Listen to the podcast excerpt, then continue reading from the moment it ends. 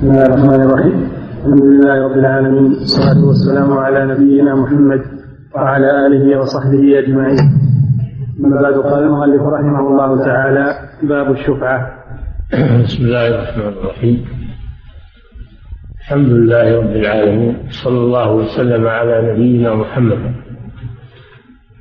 وعلى آله وأصحابه أجمعين قال رحمه الله باب الشفعة. الشفعة بضم الشين. مأخوذة من من الشفع. مأخوذة من الشفع وهو الزوج. ضد الوتر. الوتر هو الفرد والزوج ما زاد عن عن الفرد هذا من ناحية اللغة من ناحية الشرع. الشفعة هي استحقاق هي استحقاق الشريك انتزاع حصة شريكه ممن انتقلت إليه بعوض مالي بمثل الثمن. استحقاق الشريك انتزاع حصة شريكه ممن انتقلت إليه بعوض مالي بمثل الثمن. هذه هي الشفعة في الفقه. سميت شفعة لأن الشريك ضم حصة شريكه إلى حصته فصارت شفعا بعد أن كانت منفردة.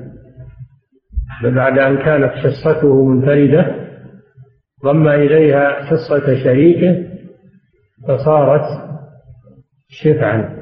فلذلك سميت الشفعة وقوله انتزاع الشريك يخرج غير الشريك لا لا شفعة له. قوله بعوض مالي يخرج ما لو انتقلت بغير عوض مالي كأن جعلت صداقا لامرأة أو أو أهدى أو أهداها إليه هدية أو ورثها هذا بغير عوض مالي فلا يستحق الشفعة فيها. وقوله بمثل الثمن يخرج ما إذا نقص عن الثمن أو زاد أن هذا لا يسمى شفعة إنما يسمى بيعا.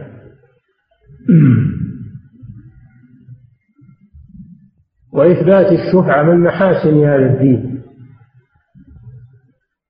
محاسن هذا الدين لأن فيها دفعا للضرر عن الشريك من أن يدخل عليه شريك أجنبي. وفيها دفع ضرر المقاسمة. فكونه ينفرد بهذا الملك أحسن من أن يأتي أحد يقاسمه هذا الملك. ففيها تلاف للقسمة وفيها تلاف لدخول شخص قد لا يرغب فيه. فدفعا للضرر جعل الشارع له الشفعة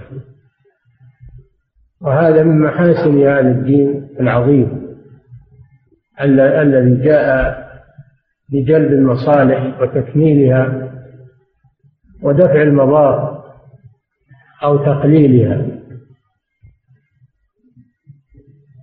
والشفعة ثابتة بالسنة والإجماع السنة الصحيحة كما في أحاديث الباب التي ستأتي إن شاء الله وبإجماع أهل العلم. فإنها ثابتة لم يخالف فيها أحد. نعم. عن جابر بن عبد الله رضي الله تعالى عنهما قال قضى رسول الله صلى الله عليه وسلم بالشفعة في, في كل ما لم يقسم فإذا وقعت الحدود وصرفت الطرق فلا شفعة متفق عليه. واللفظ للبخاري. وفي رواية مسلم الشفعة في كل شرك في كل شرك في أرض أو ربعة أو حائط لا يصلح أن يبيع حتى يعرض على شريكه. وفي رواية الطحاوي قضى النبي صلى الله عليه وسلم بالشفعة في كل شيء. ورجال نعم. ورجاله ثقات. وعن أبي هذا من أدلة الشفعه حديث جابر بن عبد الله رضي الله عنهما أن النبي صلى الله عليه وسلم قضى بالشفعه قضى يعني حكم لأن القضاء يطلق على معاني منها الحكم بين الخصوم معنى قضى هنا أي حكم صلى الله عليه وسلم بالشفعة في كل ما لم يقسم من العقارات المشتركة. في كل ما لم يقسم من الأراضي والعقارات المشتركة. دفعا لضرر الشركة ودفعا لضرر المقاسمة ودفعا لضرر دخول أشخاص قد لا يتطابقون مع المالك. لذلك قضى صلى الله عليه وسلم بالشفعة في كل ما لم يقسم من العقارات أراضي كانت أو مباني ودور أو غير ذلك. فإذا وقعت الحدود يعني قسمت قسم العقار وحدد نصيب كل واحد وصرفت الطرق صار لكل واحد طريق خاص لا يشاركه فيه الآخر إذا استقل كل واحد بملكه. ولم يكن هناك شركة فلا شفعة حينئذ لأنهما صارا أو أو لأنهم صاروا جيران بدل أن كانوا شركاء صاروا جيران. فلا شفعة لأحدهما على الآخر. متفق على هذا وهذا لفظ البخاري في صحيحه رواية لمسلم أو رواية مسلم لهذا الحديث. قضى الشفعة في أن الرسول صلى الله عليه وسلم قضى بالشفعة في كل شرك في أرض أو ربع أو حائط. هذه الرواية لا تختلف عن الرواية الأولى إلا أنها تفسرها. فبينت أن الذي لا أنه قضى بالشفعة فيما لم يقسم فيما لم يقسم يراد به العقار وإن كانت رواية فإذا وقعت الحدود صرفت الطرق أيضا تفيد أن هذا في العقار لكن رواية مسلم أوضح. في كل شرك مراد بالشرك هنا الاشتراك. في أرض في أرض بيضاء أو ربع وهو المنزل. الربع يراد به المنزل ويجمع على رباع. ومرابع جمع مربع. النبي صلى الله عليه وسلم يقول هل ترك لنا عقيل من رباع؟ يعني من المنازل مراد بها المنازل. أو حائط المراد بالحائط هنا البستان. البستان سمي حائطا لأنه في الغالب يحاط بسور. سمي حائطا. فهذا شمل الأراضي البيضاء وشمل البيوت وشمل البساتين. فإذا باع الشريك شيئا من هذه الأشياء صار لشريكه حق الشفعة. فيكون شريكها حق بهذا الشخص من أجنبي يدخل عليه فيسلم الثمن. ولا يحصل ضرر على على البائع لأنه أعطي الثمن. ولا ضرر على المشتري الذي انتزع منه الشخص لأنه أعطي ما دفع. فالمالك وصل إليه ثمن شقصه والمشتري الذي أخذ منه رد عليه الثمن الذي دفعه للبائع. والشفيع انتفع عنه الضرر. وهذا هو عين العدل. ما حصل ظلم لأحد. وأما رواية الطحاوي رحمه الله قضى بالشرعة في كل شيء هذا عامة. تشمل حتى المنقولات المشتركة كالحبوب والثمار والحيوانات. السيارات تدخل في قوله كل شيء يعني كل شيء مشترك. ولكن هذا العموم يخصصه أول الحديث أنه ليس على عمومه ليس المراد بقوله بكل شيء يعني كل مشترك وإنما المراد به العقارات من البيوت والأراضي والبساتين فيكون أول الحديث يفسر رواية الطحاوي رحمه الله. فلا فلا شفعة في المنقولات على الصحيح عند جماهير أهل العلم. نعم. وعن أبي رافع رضي الله تعالى عنه قال قال رسول الله صلى الله عليه وسلم الجار أحق بسقبه. أخرجه البخاري وفيه قصة. نعم. وعن أنس بن مالك رضي الله تعالى عنه قال قال رسول الله صلى الله عليه وسلم جار الدار أحق بالدار. رواه النسائي وصححه ابن حبان وله علة. نعم. وعن جابر رضي الله تعالى عنه قال قال رسول الله صلى الله عليه وسلم الجار أحق بشفعة جاره ينتظر بها وإن كان غائبا. إذا كان طريقهما واحدا. رواه أحمد والأربعة ورجاله ثقات. نعم. هذا الحديث أو هذه الأحاديث فيها أيضا الشفعة للجار. فيها أيضا الشفعة للجار. الحديث الأول عن أنس أن أن النبي صلى الله عليه وسلم قال الجار أحق ب قال الجار احق بجاره وهذا مطلق. في اثبات الشرع للجار مطلقا. حتى ولو صرفت الطرق ووقعت الحدود. ولكن الحديث الأخير قال إذا كان طريقهما إذا كان طريقهما واحد. الحديثان الأولان فيهما إثبات الشفعة للجار مطلقا. الجار أحق بسقبه والسقب المراد به القرب. قال بالسقب بالسين ويقال سقب بالصاد. والمراد به القرب والقريب. الحديثان الأولان يفيدان ثبوت الشفعة للجار مطلقا.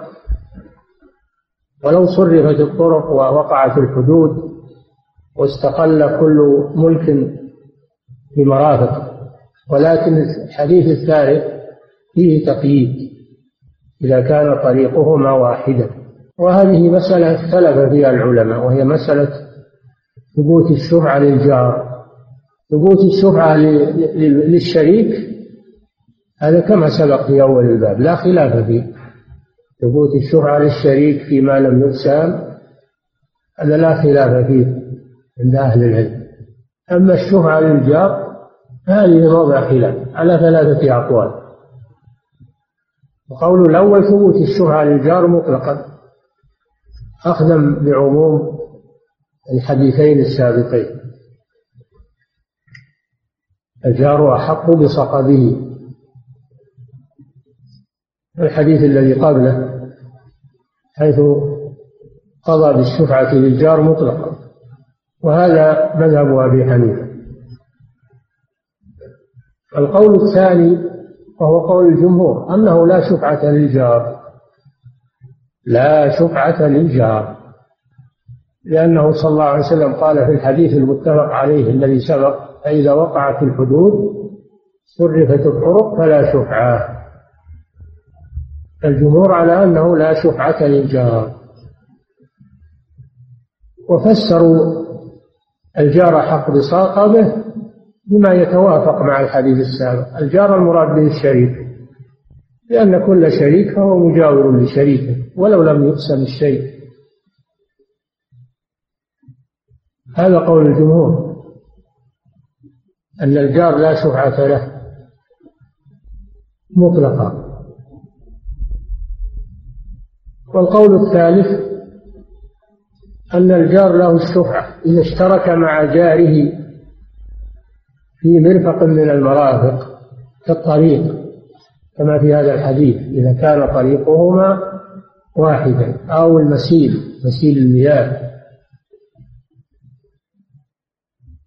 أو الممر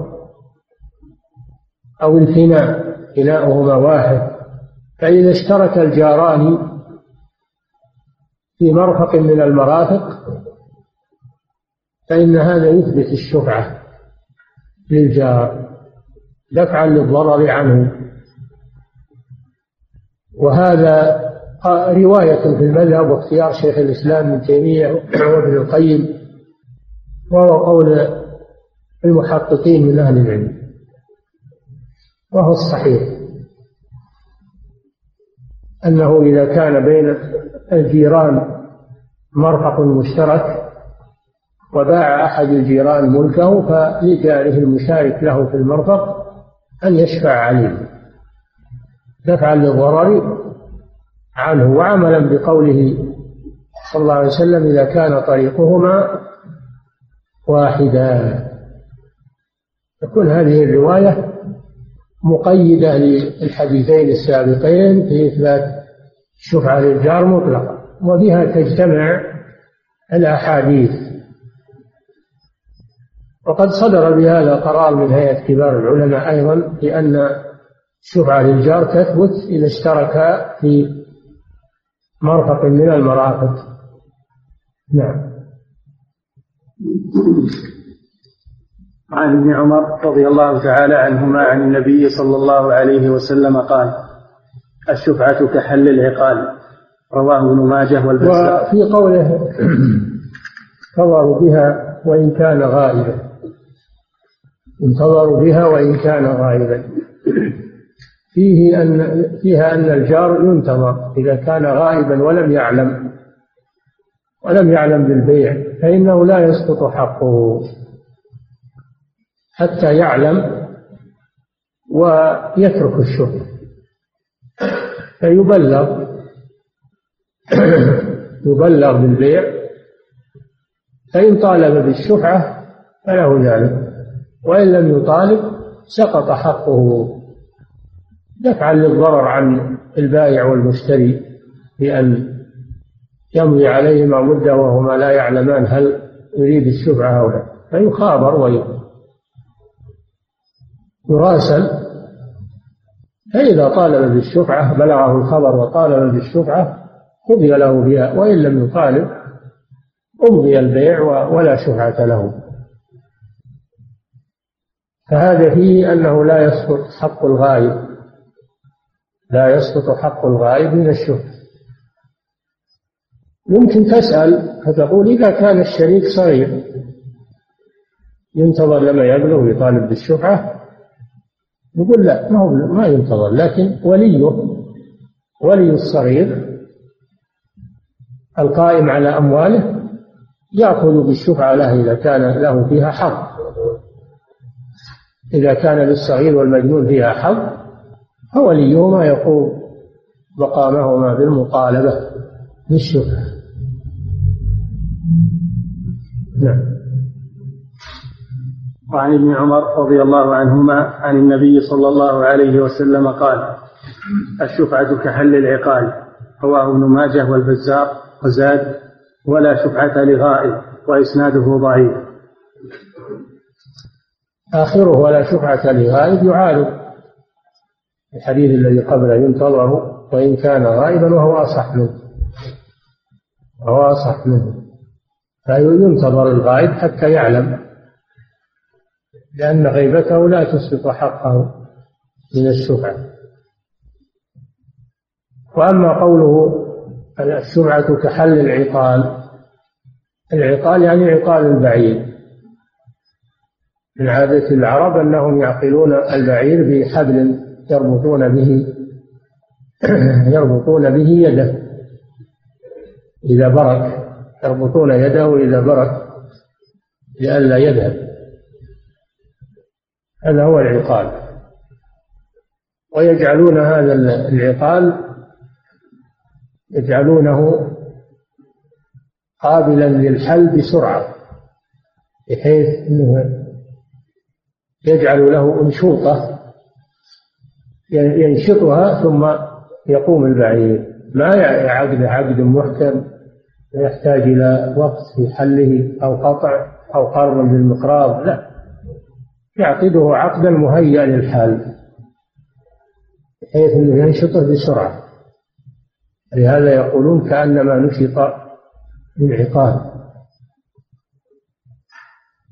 فمفاد الحديث أن أن المطالبة بالشفعة على جناح السرعة دفعا للضرر عن البائع والمشتري. فإذا علم الشريك بالبيع وهو يريد الشفعة فإنه يطالب في الحال ولا يتأخر يقول بشوف إلى باسل إلى عقبه لا يبادر بالشفعة ولا يتركها دفعا للضرر عن الآخرين. هذا معنى قوله كحل العقال. ولو أخذنا بظاهره صار ما ينتظر الغائب لأن انتظار الغائب ليس كحل العقال. الحديث على كل حال ضعيف كما قال المصنف لكن مع ضعفه فلا ضرر ولا ضرار. لا ضرر ولا ضرار. فنقول للشفيع حق الشفعة ولكن ليس بالسرعة التي بدون تروي وبدون تفكير.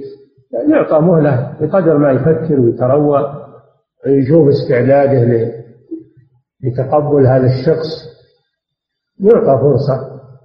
وإذا كان غايب ينتظر حتى يعلم بالمراسلة أو بغيرها من الوسائل. على كل حال لا ضرر ولا ضرار. لا يضار الشفيع بسلبه حقه إذا لم يسرع ولا يضار الطرف الثاني بحيث يبقى الأمر معلقا لا يدرى هل أخذ بالشفعة أو لا. لا ضرر ولا ولا ضرر. ثم إن العلماء رحمهم الله نصوا على أنه لا يجوز التحايل لإسقاط الشفعة كما يفعل بعض الناس. يتحايلون لإسقاط الشفعة فيجعل بصورة الهدية. يجعل البيع بصورة هدية. ولا يقول بيع. فيقول أهديت مالي لفلان أو أعطيته فلانا. وهو في الحقيقة بيع. هذه حيلة لا تسقط حق الشريع إذا ثبت أنه بيع فإن التحايل لا يسقط حق الشفيع فلا يجوز التحايل لإسقاط حق مسلم.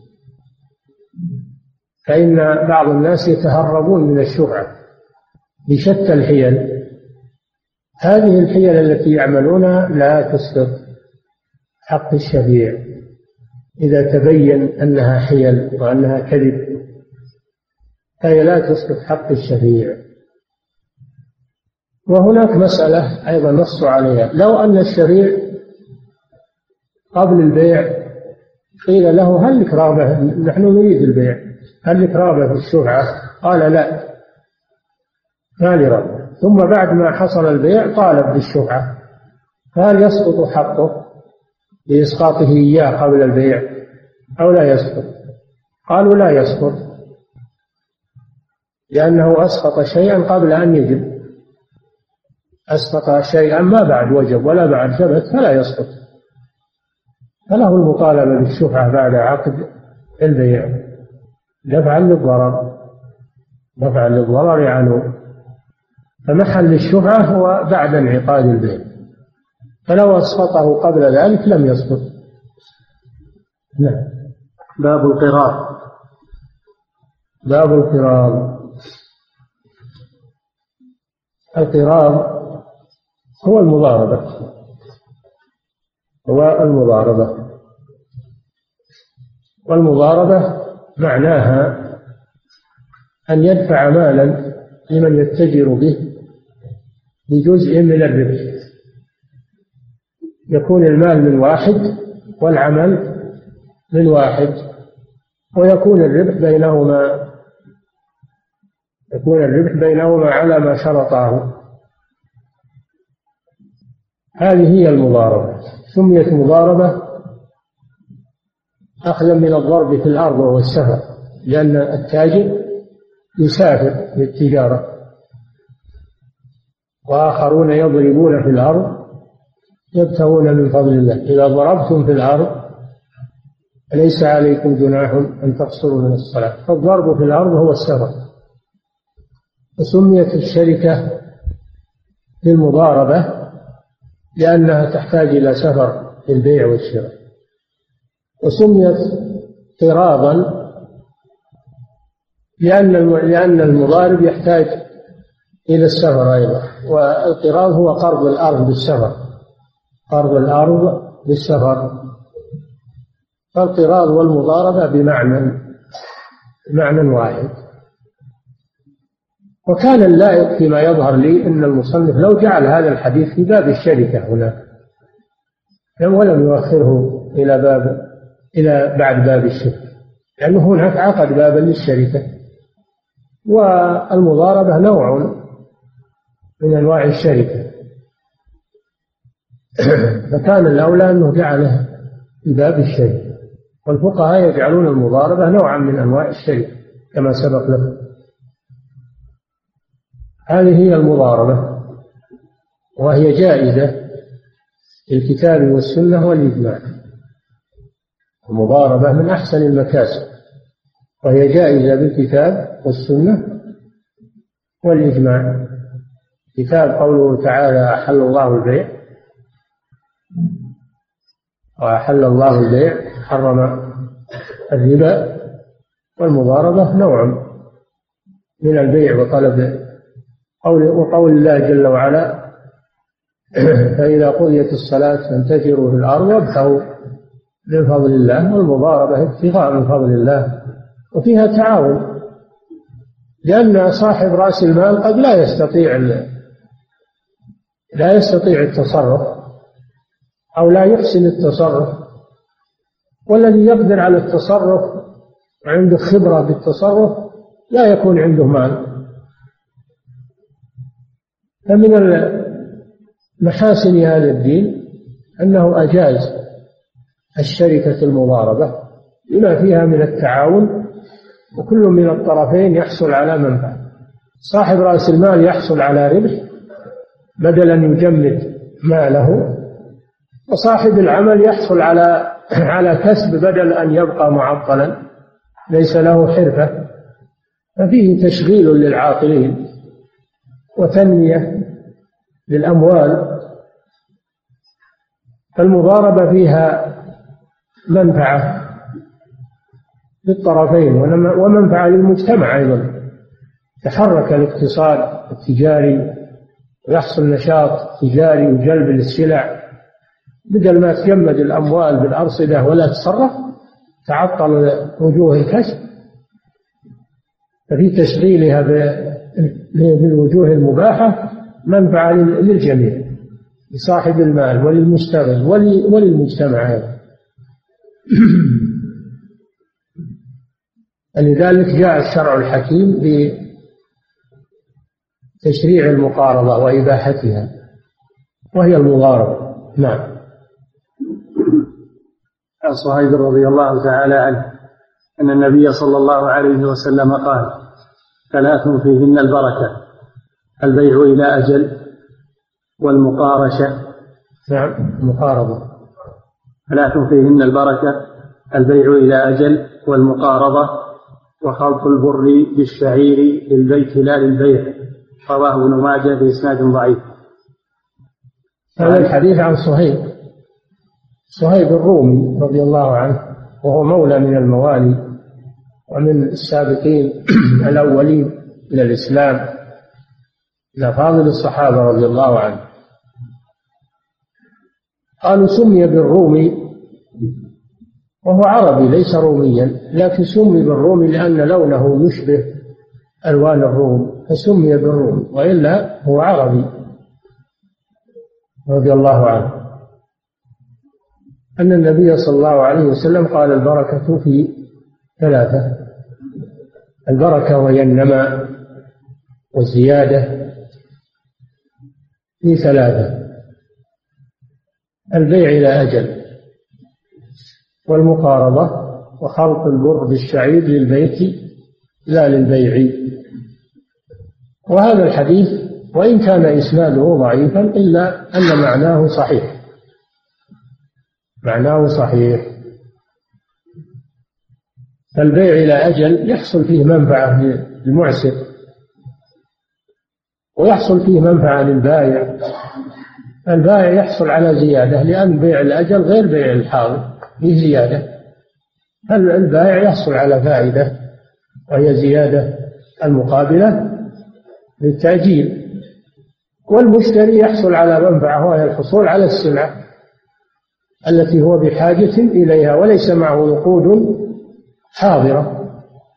ففي بيع التأجيل تيسير على الناس سواء كان التأجيل بأجل واحد أو بعدة آجال وهو البيع بالتقسيط.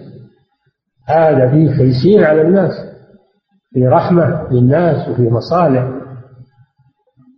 وفيه دليل على البيع بالأجل. وهذا بإجماع العلماء. لكن ظهر في الآونة الأخيرة من المتعالمين من ينكر البيع بالأجل.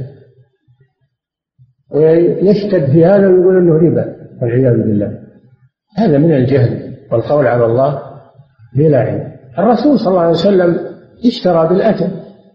استدان لأهله طعاما من يهودي. ورهنه درعه عليه الصلاة والسلام. واستدان على إبل الصدقة كما مر بكم. يشتري البعير بالبعيرين إلى إبل الصدقة. والله جل وعلا يقول إذا تداينتم بدين إلى أجل مسمى فاكتبوه. أجل مسمى. وقالوا هذا في دين السلم. وفيه البيع بالتأجيل والكتابة كتابة العبد تكون بالتأجيل أيضا. كاتبوهم إن علمتم فيهم خيرا. فهو بيع. الكتابة بيع لأن العبد يشتري نفسه من سيده بمال يدفعه له على أقساط. سمى بالنجوم منجم. فالبيع بالأجل جاءت به الشريعة. وفيه تيسير على الناس. الذين ينكرون هذا المرفق الهام هؤلاء من جهلهم. ويريدون التضييق على الناس في معاملاتهم. البيع إلى أجل. هذا واحد. المقارضة عرفناها. اللي هي المضاربة فيها بركة لما يحصل فيها من النفع المشترك كما ذكرنا لكم. نفع لصاحب رأس المال بتحريكه وتنميته بدل أن يكون مجمدا. ونفع للعامل بحيث لا يبقى عاطلا يتحرك ويشتغل ويأتيه نصيبه من الربح ينتفع به. ونفع للمجتمع أن يحصل بذلك جلب السلع وتوفير السلع للناس وتوريد السلع. فالمضاربة فيها خير كثير وهي جائزة بإجماع أهل العلم. جائزة بإجماع أهل العلم. وفعلها الصحابة رضي الله عنهم كما يأتي وهي داخلة في عموم النصوص التي أباح الله فيها الكسب والضرب في الأرض في طلب الرزق هي داخلة. والأصل في المعاملات الحل الأصل في المعاملات الحل إلا ما دل الدليل على تحريمه. فمن حرم شيئا من المعاملات فإنه يطالب بالدليل. لأن الأصل في المعاملات الحل إلا ما دل الدليل على تحريمه. وخلط البر بالشعير للبيت. هذا يقول فيه بركة لأن لأن فيه لأن فيه توفير للطعام. توفير للطعام. إذا خلط هذا بهذا كثر الطعام. إذا خلط بعضه ببعض يكثر ويتوفر الطعام عند أهل البيت. خلاف ما لو اقتصروا على نوع واحد فقد ينقرض وينفد. ففيه اقتصاد خلط البر بالشعير فيه اقتصاد. والاقتصاد مطلوب في الشريعة وعدم الإسراف. وفيه أيضا توسط في الإنفاق وعدم الرفاهية والمبالغة في الرفاهية. هذا فيه بركة لأنه يحصل به توفير للمال ويحصل به توسط في الإنفاق وترك للرفاهية الزائدة. لا للبيع أما البيع فلا يجوز أن يخلط البر بالشعير لأن كل منهما لأن كل منهما جنس مستقل. فلا يجوز خلط هذا بهذا بل يباع البر على حدة ويباع الشعير على حدة ولا يخلط بينهما. نعم. وعن حكيم بن حزام رضي الله عنه أنه كان يشترط على الرجل إذا أعطاه مالا مقارضة ألا تجعل مالي في كبد رطبة. رطبة. ولا تحمله في بحر. ولا تنزل به في بطن مسير. فإن فعلت شيئا من ذلك فقد ضمنت مالي. رواه الدار قطني ورجاله ثقات. هذا الحديث فيه عن حكيم بن حزام رضي الله عنه وكان من سادات قريش.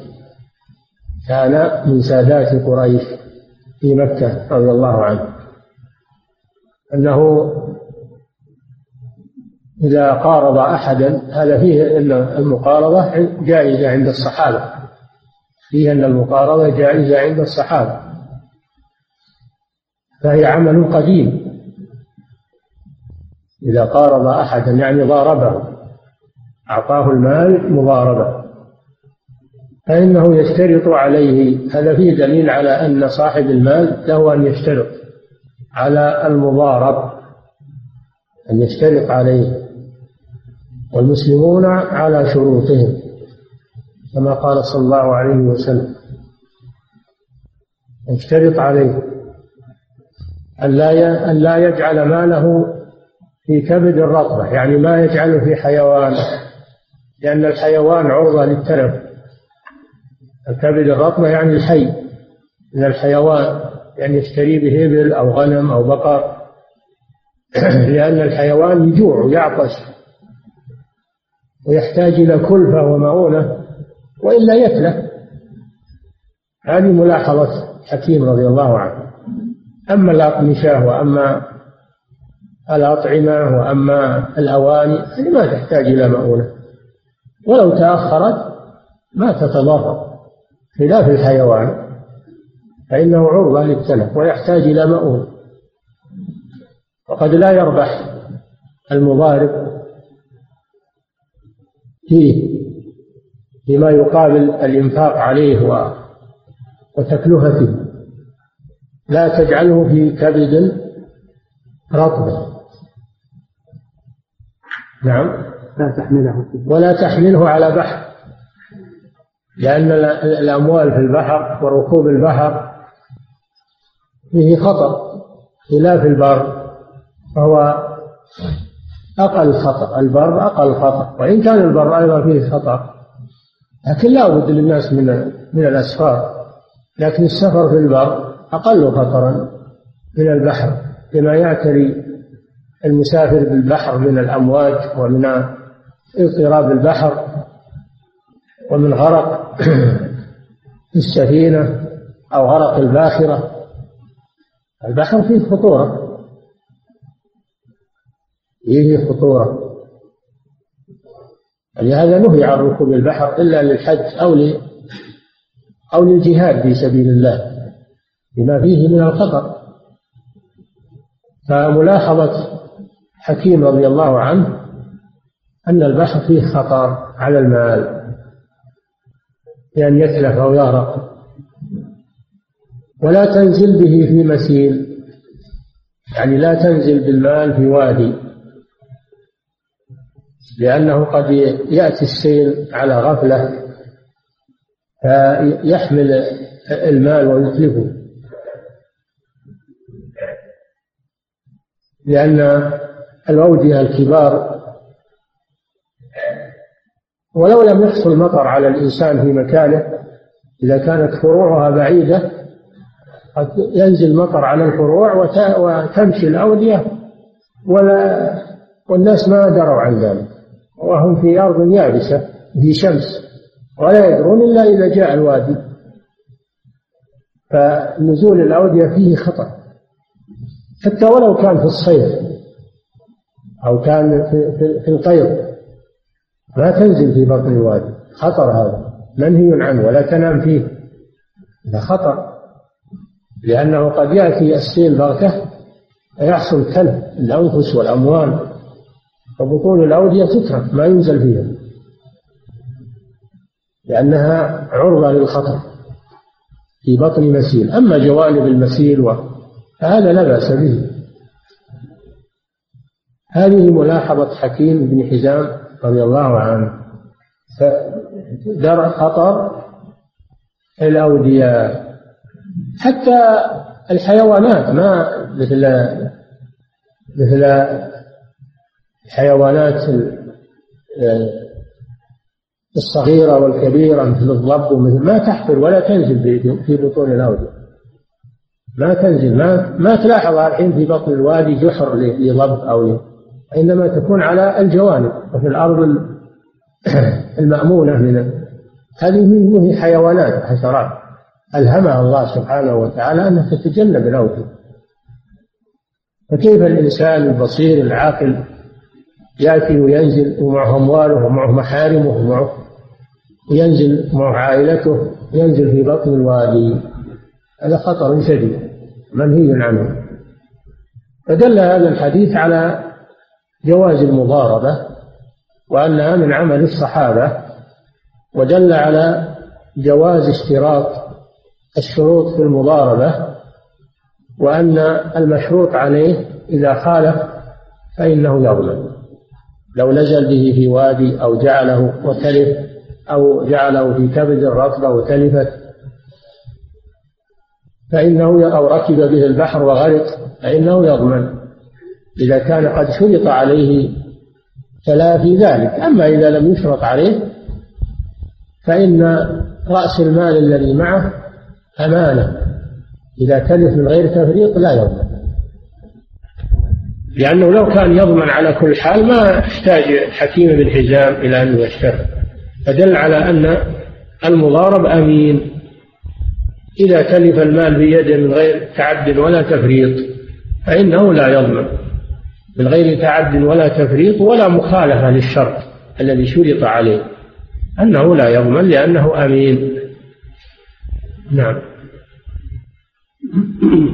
وقال مالك في الموطأ عن العلاء بن عبد الرحمن بن يعقوب عن أبيه عن جده. إنه عمل في مال لعثمان على أن الربح بينهما وهو موقوف صحيح. قال مالك في الموطأ في كتابه الموطأ. والموطأ كتاب للإمام مالك جمع فيه بين الحديث والفقه رحمه الله. جمع فيه بين الحديث والفقه. فيعقد الباب ترجمة ثم يأتي بالحديث ثم يذكر ما فيه من الفقه. وسمي بالموطأ من التوطئة وهي التسهيل. التوطئة وهي التسهيل فهو كتاب سهل المنال. وطأه للناس رحمه الله حتى أصبح سهل المنال هذا هو الموطأ. فيه أن أن أن أن رجلا عمل لعثمان يعني مضاربة عثمان بن عفان رضي الله عنه وكان من تجار الصحابة. كان عثمان رضي الله عنه من تجار الصحابة. وكان ينفق في سبيل الله إنفاقا كثيرا يجهز الغزاة وينفق في سبيل الله. من ماله رضي الله عنه اشتهر بذلك. وأنه جهز جيش العسرة ثلاثمائة بعير. اشترى اشتراها وجهزها بالسلاح وبالعتاد وجهز الغزاة جيش العسرة اللي هو غزوة تبوك. غزوة تبوك. هذا من فضائله وأنه ينفق ماله في سبيل الله عز وجل. وكان إذا طلب النبي صلى الله عليه وسلم الصدقة يأتي ويبادر بالمال الكثير ويضعه بين يدي رسول الله صلى الله عليه وسلم. لما احتاج المسلمون إلى ماء يشربون كان فيها بئر عذب ليهودي وكان هذا اليهودي يضايق المسلمين. اشترى عثمان رضي الله عنه هذه البئر وأوقفها على أهل المدينة. فكان رضي الله عنه ينفق في سبيل الله النفقات الكثيرة مما يجده عند الله. هذا من فضائله رضي الله عنه. الشاهد من الحديث أن أنه أنه ضارب على رضي الله عنه فدل وهذا مثل حديث حكيم بن حزام. فيه دليل على أن المضاربة من عمل الصحابة وأنها جائزة. وفيه أن أنه يشترط أن له أن يشترط ويحدد نصيب العامل من الربح. له أن يشترط كما اشترط حكيم بن حزام. بل أيضا لصاحب المال أن يشترط ويحدد نصيب العامل من الربح. بأن يقول لك ربع الربح نصف الربح سدس الربح ثلاثة أرباع الربح حسب ما يتفقان عليه. فإذا ف... ويكون الباقي لصاحب المال. أو إن كان المحدد لصاحب المال يكون الباقي للعامل. فإذا شرط لأحدهما وبين نصيب أحدهما فالباقي يكون للآخر. وإذا لم يشرط شيء قالوا خذ هذا المال واتجر به والربح بيننا ولم يبين. قالوا يكون الربح نصفين. يكون الربح نصفين لصاحب المال النصف وللعامل النصف. أما إذا حدد فإنه يعمل بالتحديد. قليلا كان أو كثيرا. نعم. باب المساقات والإجارة. يكفي. نعم. فضيلة الشيخ وفقكم الله. أرجو من فضيلتكم تضربوا لنا مثل مثالا على البيع إلى أجل. هذا يحتاج مثال. البيع إلى أجل تبيع السيارة تبيع السيارة بثمن مؤجل يحل بعد سنة مثلا. يحل بعد سنة بعد شهرين بعد خمسة أشهر. تبيع السلعة بثمن مؤجل وتحدد الأجل. تقول إلى خمسة أشهر إلى ستة أشهر إلى سنة إلى سنتين. هذا البيع المؤجل. تكون السلعة حاضرة ويكون الثمن مؤجلا. نعم. فضيلة الشيخ وفقكم الله. هل يؤخذ من قوله فإذا وقع في الحدود وصرفت الطرق فلا شفعة أنه لا أنه له حق المطالبة بالشفعة بعد البيع. إذا وضعت الحدود وصرفت الطرق فلا شفعة لا بعد البيع ولا قبل البيع. هذا يمنع الشفعة. أما قبل وضع الحدود وقبل تصريف الطرق فله الشفعة. نعم. فضيلة الشيخ وفقكم الله. اشتريت سيارة من رجل وسلمت له قيمتها وفي أثناء مجيئه إلي لتسليمها لي وقع بها حادث أثناء الطريق فهل أتحملها؟ أم يتحملها البائع قياسا على وضع الجوائز؟ تحملها أنت ما دام تم العقد بينكما واستلمت السيارة وأصابها الحادث وأنت اللي تسوقها أو يسوقها واحد بأمرك هي من ضمانك. هي من ضمانك؟ نعم. وليس هذا من وضع الجوائح الجوائح الثمار خاص لأن المشتري لا يتمكن منها وهي على رؤوس النخل. أما السيارة أنت تمكنت منها واستلمتها وتقودها وتسوقها بالشارع. لا فلا ليس هناك وضع جائحة هنا. نعم. فضيلة الشيخ وفقكم الله. اشتراط حكيم بن حزام رضي الله عنه عدم ركوب البحر للمتاجر معه ولا ولا بطن السيل. ألا ينافي التوكل؟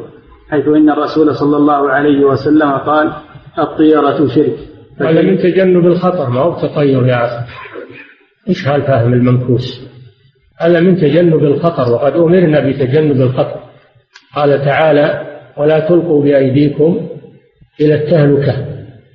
ليس هذا ينافي التوكل بل هذا من التو... لأن التوكل يبنى على الأخذ بالأسباب أيضا وهذا من الأخذ بالأسباب الواقية النافعة. أو معنى التوكل أنك ما ما تجنب الخطر. من قال هذا؟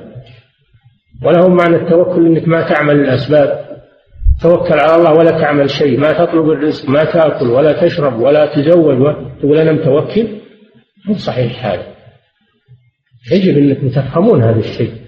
أنه لا منافاة بين التوكل وبين الأخذ بالأسباب.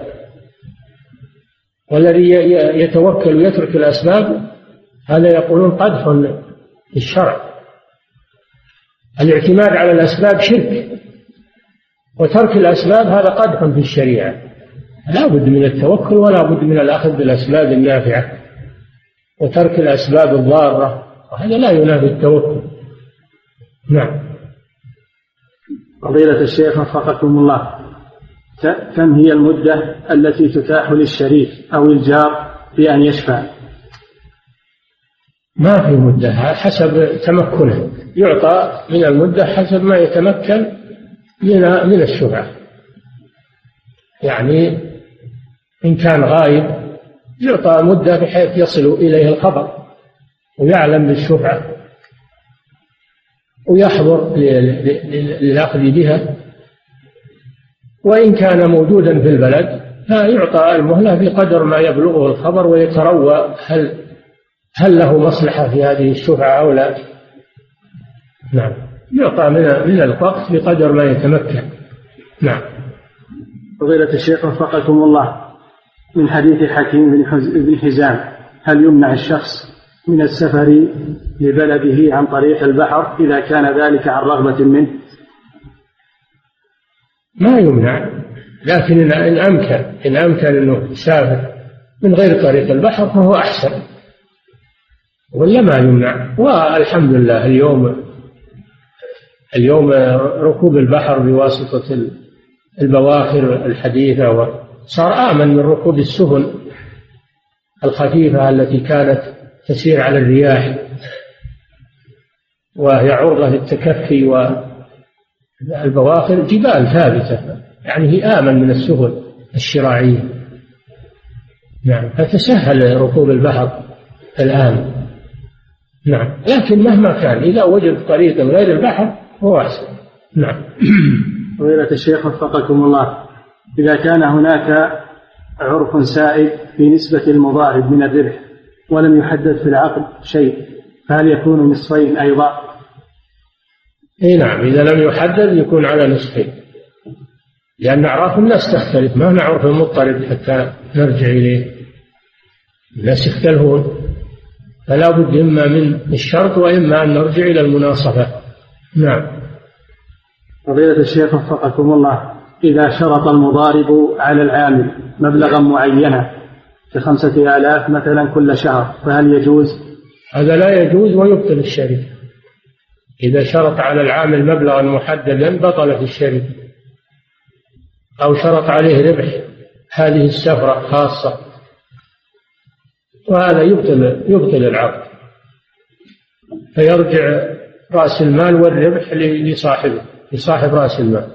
ويعطى العامل أجرة المثل. إذا بطلت الشركة إذا بطلت الشركة والمضاربة فإن الربح يكون لصاحب رأس المال ويعطى المضارب أجرة المثل نعم.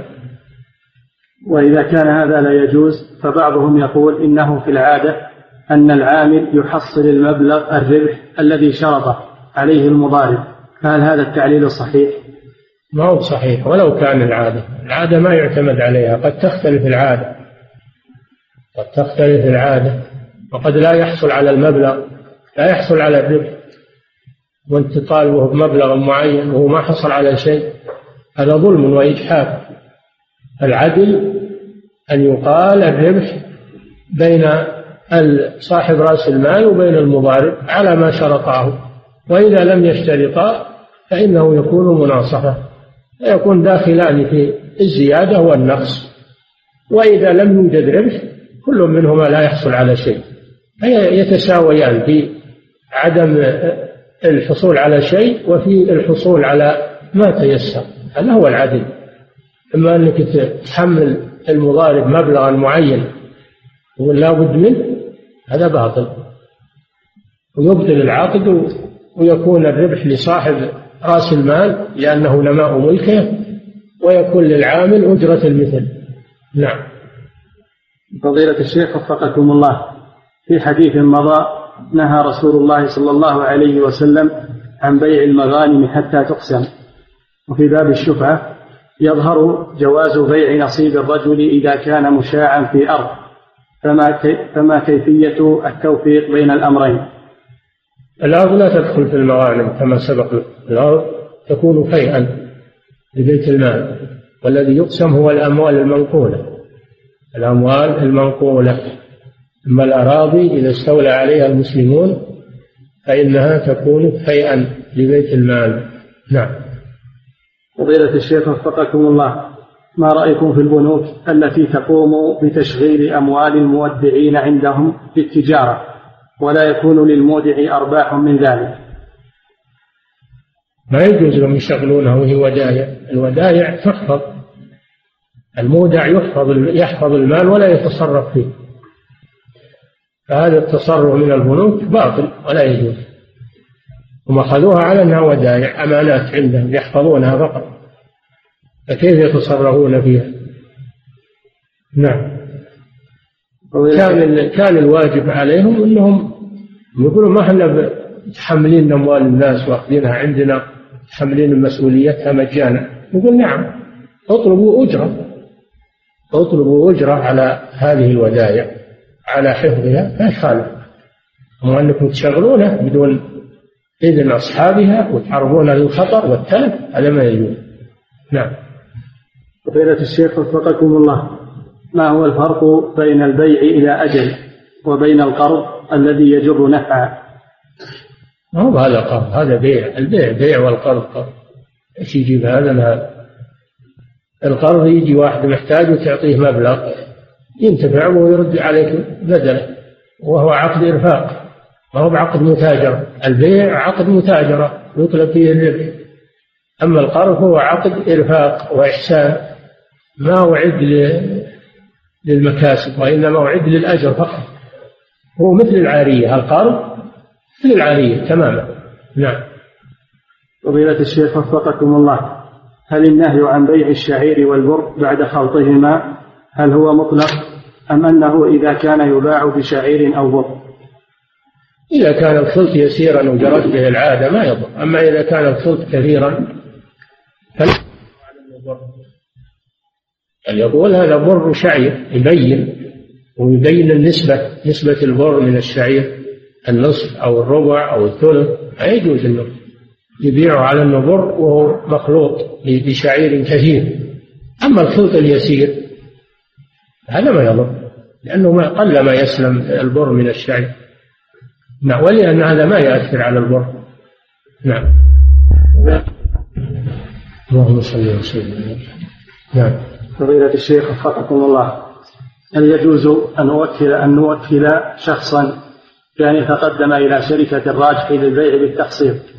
ويسجل اسمه لديهم ثم يأخذ منهم السيارة على أنها له وبعد ذلك آخذها منه وأبيعها حالا لحاجتي إلى هذا المبلغ.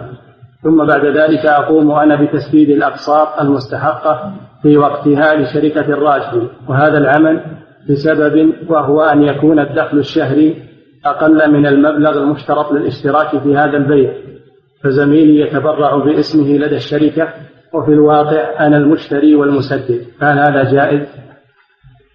هذا غير جائز. لا يجوز أن يحط السيارة باسم واحد وهي في الحقيقة باسم غيره وملك لغيره هذا من الاحتيال. لكن بالإمكان أنك تشري من الراجح أو من غيره وتجعل هذا الشخص زميلك كفيل. تجعله كفيلا أو ضامنا يضمنك ويكفلك هذا لا بأس به الضمان والكفالة لا بأس. يعني من التوثيق الجائز. أما أنك تحتال وتجعل باسمه لأن الراجح يثق بالشخص وهي بالحقيقة ملك لك أنت هذا ما ما يصلح. وثانيا الراجحي وغيره. ما يجوز لهم يبيعون سيارات أو غيرها إلا إذا كانت موجودة في ملكهم قبل العقد. ما هو إذا جاءهم الزبون يقولون روح أنت دور اللي تبي. وتجينا بالفاتورة أو باسم السيارة وحنا نروح نشتريها ونعطيك إياها. ما يجوز هذا. لابد تكون السلع والسيارات والمبيعات في ملك البايع من راجحي وغيره في ملكه. فإذا جاءه الزبون يقول له شوف السلع اختر اللي تريد. يشتريها ثمن حال أو ثمن مؤجل. كيف؟ نعم. فضيلة الشيخ وفقكم الله. إذا كانت هناك شركة بين اثنين ورأس المال بينهما مناصفة والذي يقوم بالعمل أحدهما وهو يأخذ راتبا على عمله. فهل في هذا محذور؟ إي نعم. الذي يعمل يأخذ يأخذ من الربح ما يأخذ راتب يأخذ من الربح كما سبق لكم. لأنه لو شرط مبلغ معين فسدت الشريك فيأخذ من الربح. وإذا كان يقول أنا اقوم بعمل كثير وبتعويض نقول خذ زيادة من الربح. بدل ما تأخذ نصف الربح خذ ثلاثة أرباع الربح. في مقابل أتعابك اللي تقول ما يخالف فيجعل الزيادة من الربح لا من راتب أو مبلغ مقطوع. ما يجوز هذا. نعم. فضيلة الشيخ وفقكم الله هل رضا العامل إذا فرض عليه المضارب مبلغا محددا؟ هل هو مسوغ للجواز أي لجواز تحديد الربح؟ لا. هذا من التراضي بالباطل ما يجوز. إذا تراضوا على الربا يصلح. التراضي لازم يكون على شيء مباح. تراضي على شيء محرم ما يجوز. نعم. فضيلة الشيخ وفقكم الله. ما حكم ما يفعله بعض الناس عند الذهاب إلى التنزه في الصحاري؟ وهم لا يعرفون طرق الصحراء مما يسبب مما يسبب لهم الضياع والهلاك ونفاذ الماء والطعام فهل هذا جائز؟ هذا غير جائز هذا محرم. الإنسان يروح للصحراء والمتاهات وهو ما يعرفها. لابد يكون عنده خبرة ومعرفة يكون عنده استعداد لأن هذا خطر. كم هلك في البراري من العطش ومن الضياع من الجوع بسبب التفريط والإهمال. ما يجوز للإنسان أنه قال جل وعلا ولا تلقوا بأيديكم إلى التهلكة فلا يجوز أنه يذهب للبر إلا إذا كان عنده خبرة واستعداد لذلك. ومعرفة بالجهات ومعرفة بالبلدان اللي حوله والمياه. نعم. فضيلة الشيخ وفقكم الله ما حكم التأمين الصحي وهو أن أتفق مع مستشفى معين وأدفع له مبلغا معين على أن يتكفل بعلاجي لمدة محددة. التأمين التجاري بجميع أنواعه صحيا أو غير صحي الذي يقصد منه الاستثمار. هذا محرم بما فيه من المخاطرة والغرر والجهالة وما فيه من الربا وما فيه من آفات كثيرة. التأمين بجميع أنواعه تجاري هذا محرم. ولا يجوز. وقد صدرت القرارات من المجامع الفقهية ومن هيئة كبار العلماء بتحريم التأمين التجاري. فالواجب على المسلمين أن يتقوا الله عز وجل ويترك هذه المحرمات وهذه المعاملات المحرمة التي وفدت إلى بلادنا من معاملات الكفار واليهود. الذين لا يبالون بالحلال والحرام ونحن نقلدهم ونستورد مثل هذه الشركات وهذه الأنظمة الباطلة. الإنسان يعالج نفسه إذا احتاج يعالج نفسه من ماله هو. الحمد لله. إذا انكسرت سيارته أو أصيبت يصلحها من ماله. ما هو بيصلحها من أموال الناس؟ ويأكل أموال الناس بالباطل. ما الذي يحل هذه المبالغ من أموال المساهلين. ما الذي يحله لك وأنت ما دفعت إلا شيء يسير. تدفع مئة ريال ويجيك مئة ألف؟ غرامة إذا انكسرت سيارتك ولا احتجت إلى علاج صعب؟ هذا حرام ولا يجوز. والشركة ما تدفع من نفسها شيء. من أموال الناس التي يجمعونها. فهم يعطونك من أموال غيرهم من غير أموالهم هم. نعم. فضيلة الشيخ وفقكم الله الولي يده يد أمانة لكن هل يفرق بين الولي المتبرع وبين من يأخذ أجرة إيش الولي؟ ولي على إيش؟ ولي المرأة ولا ولي إيش ولي؟ ولا ولي يتيم؟ ولا ما ما المراد بالولي هنا؟ نعم فضيلة الشيخ وفقكم الله إذا كانت المرأة لا ولي اليتيم الذي يقوم عليه هذا إذا كان فقيرا فقد أباح الله له أن يأخذ مقابل عمله ومقابل عمله في مال اليتيم إذا كان يتاجر به إذا كان يضارب به إذا كان ينميه. فإنه يأخذ الأقل من نفقته أو أجرة مثله. أو أجرة مثله مقابل عمله. أما إذا كان ما يعمل لليتيم شيء هذا لا يجوز له أخذ شيء من مال اليتيم. إنما يأخذ في مقابل عمله فقط. ومن كان غنيا فليستعفف ومن كان فقيرا فليأكل بالمعروف. ما هو بيأكل مطلقا بل بالمعروف. والمعروف يرجع فيه إلى القاضي وإلى المحكمة تحدد له هذا الشيء. نعم. فضيلة الشيخ وفقكم الله إذا كانت المرأة غير رشيدة فهل وليها هو زوجها أم أبوها؟ وليها أقرب عصباتها أو زوجها وليها أقرب عصباتها أبوها أو ابنها أو أخوها أو ابن أخيها أو عمها أو ابن عمها أقرب عصبات هو وليها. نعم. فضيلة الشيخ وفقكم الله جاء حديث عند الدار قطني أن النبي صلى الله عليه وسلم باع حرا قد أفلس في دينه. فهل المقصود أنه باع منافعه أم أن الحديث منسوخ؟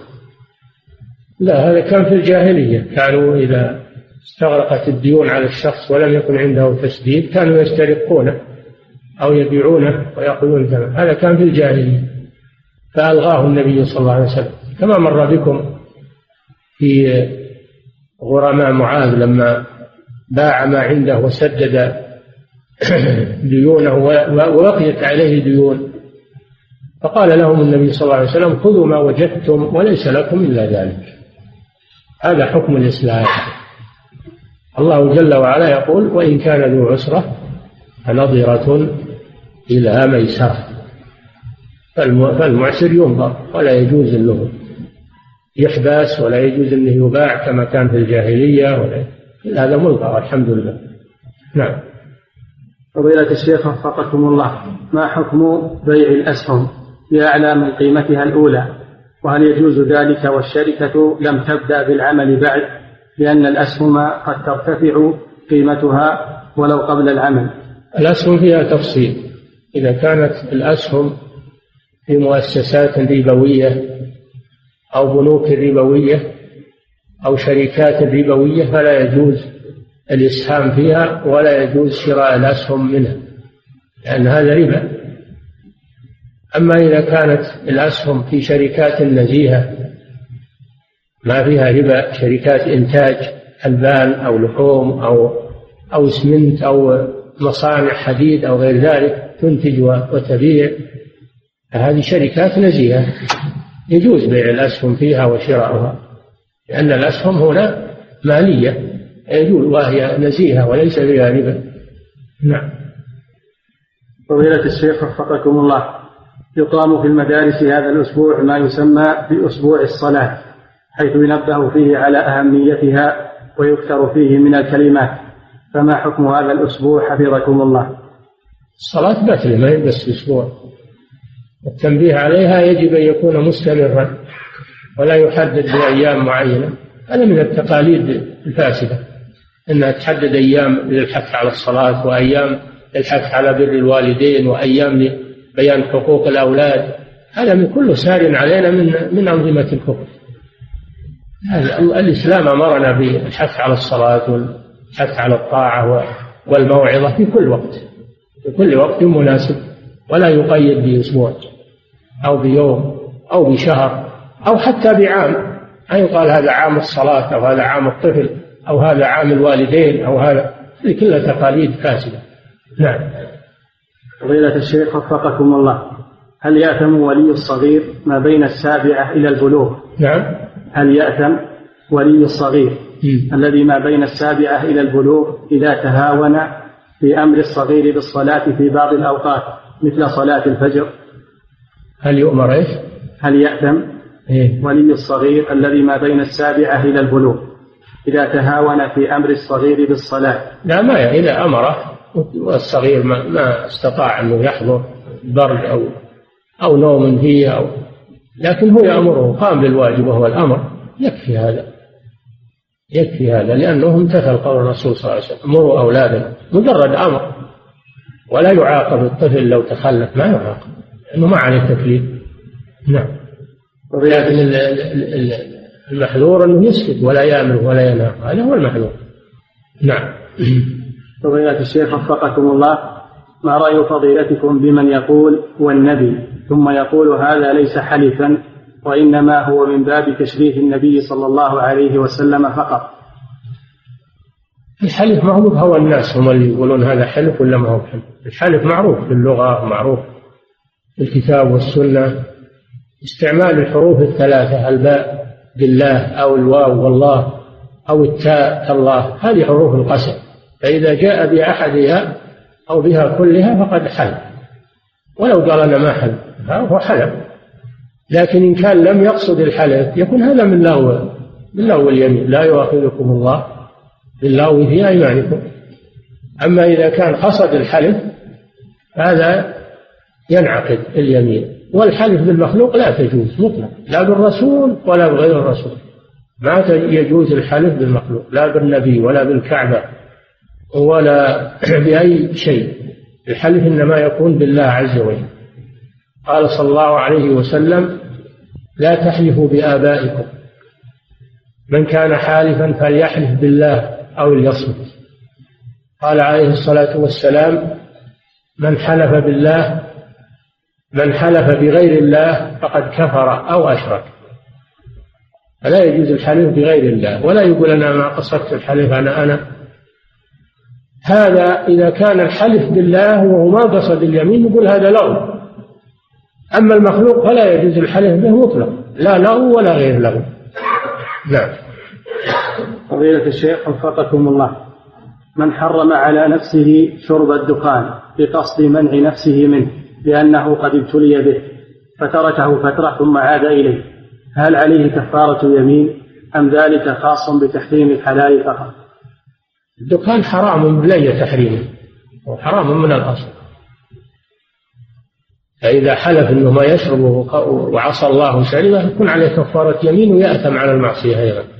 عليه التوبة عن فعل المعصية وعليه كفارة عليه كفارة اليمين. إذا قال حرام علي ما أشرب الدخان شربه يكفر عن يمينه يكفر عن يمينه. لأن هذا بمنزلة الحلف. نعم. فضيلة الشيخ وفقكم الله نسمع هذه الأيام كثيرا من كلام بعض الكفرة بأن عيسى عليه السلام سوف ينزل في عام ألفين بل إن بعض المسلمين يقولون بهذا القول ويزعمون أن هذا ثابت بالأدلة. فما رأي فضيلتكم؟ وهل توجد أدلة تحدد زمن نزول عيسى عليه السلام؟ نزول المسيح عليه الصلاة والسلام ثابت. ثابت بالكتاب والسنة والإجماع متواتر تواترت به السنة. والذي ينكر نزول المسيح يكون كافرا. نزوله متحقق ثابت في آخر الزمن ولكن تحديد نزوله هذا يحتاج إلى دليل. ما حدد الله لما نزول المسيح ولا الرسول صلى الله عليه وسلم. هذا من علم الغيب الذي لا يعلمه إلا الله لكن هو من أشراط الساعة. نزوله من علامات الساعة الكبرى. بعد خروج الدجال بعد خروج الدجال ينزل المسيح ويقتله بباب لد. كما كما صحت في ذلك الأحاديث. وباب لد معروف الآن. لد من فلسطين. يقتل الدجال ويحكم بالإسلام لدين محمد صلى الله عليه وسلم ويأتي على يده الخير مدة بقائه ثم يتوفاه الله بعد ذلك. لكن تحديد ألو... بأنه عام 2000 أو عام كذا هذا من القول على الله بلا علم ومن ادعاء علم الغيب وهو باطل. هذا لا يعلمه إلا الله سبحانه وتعالى. لكن خروج الدجال علامة على نزول المسيح. إذا خرج الدجال هذا علامة على نزول المسيح.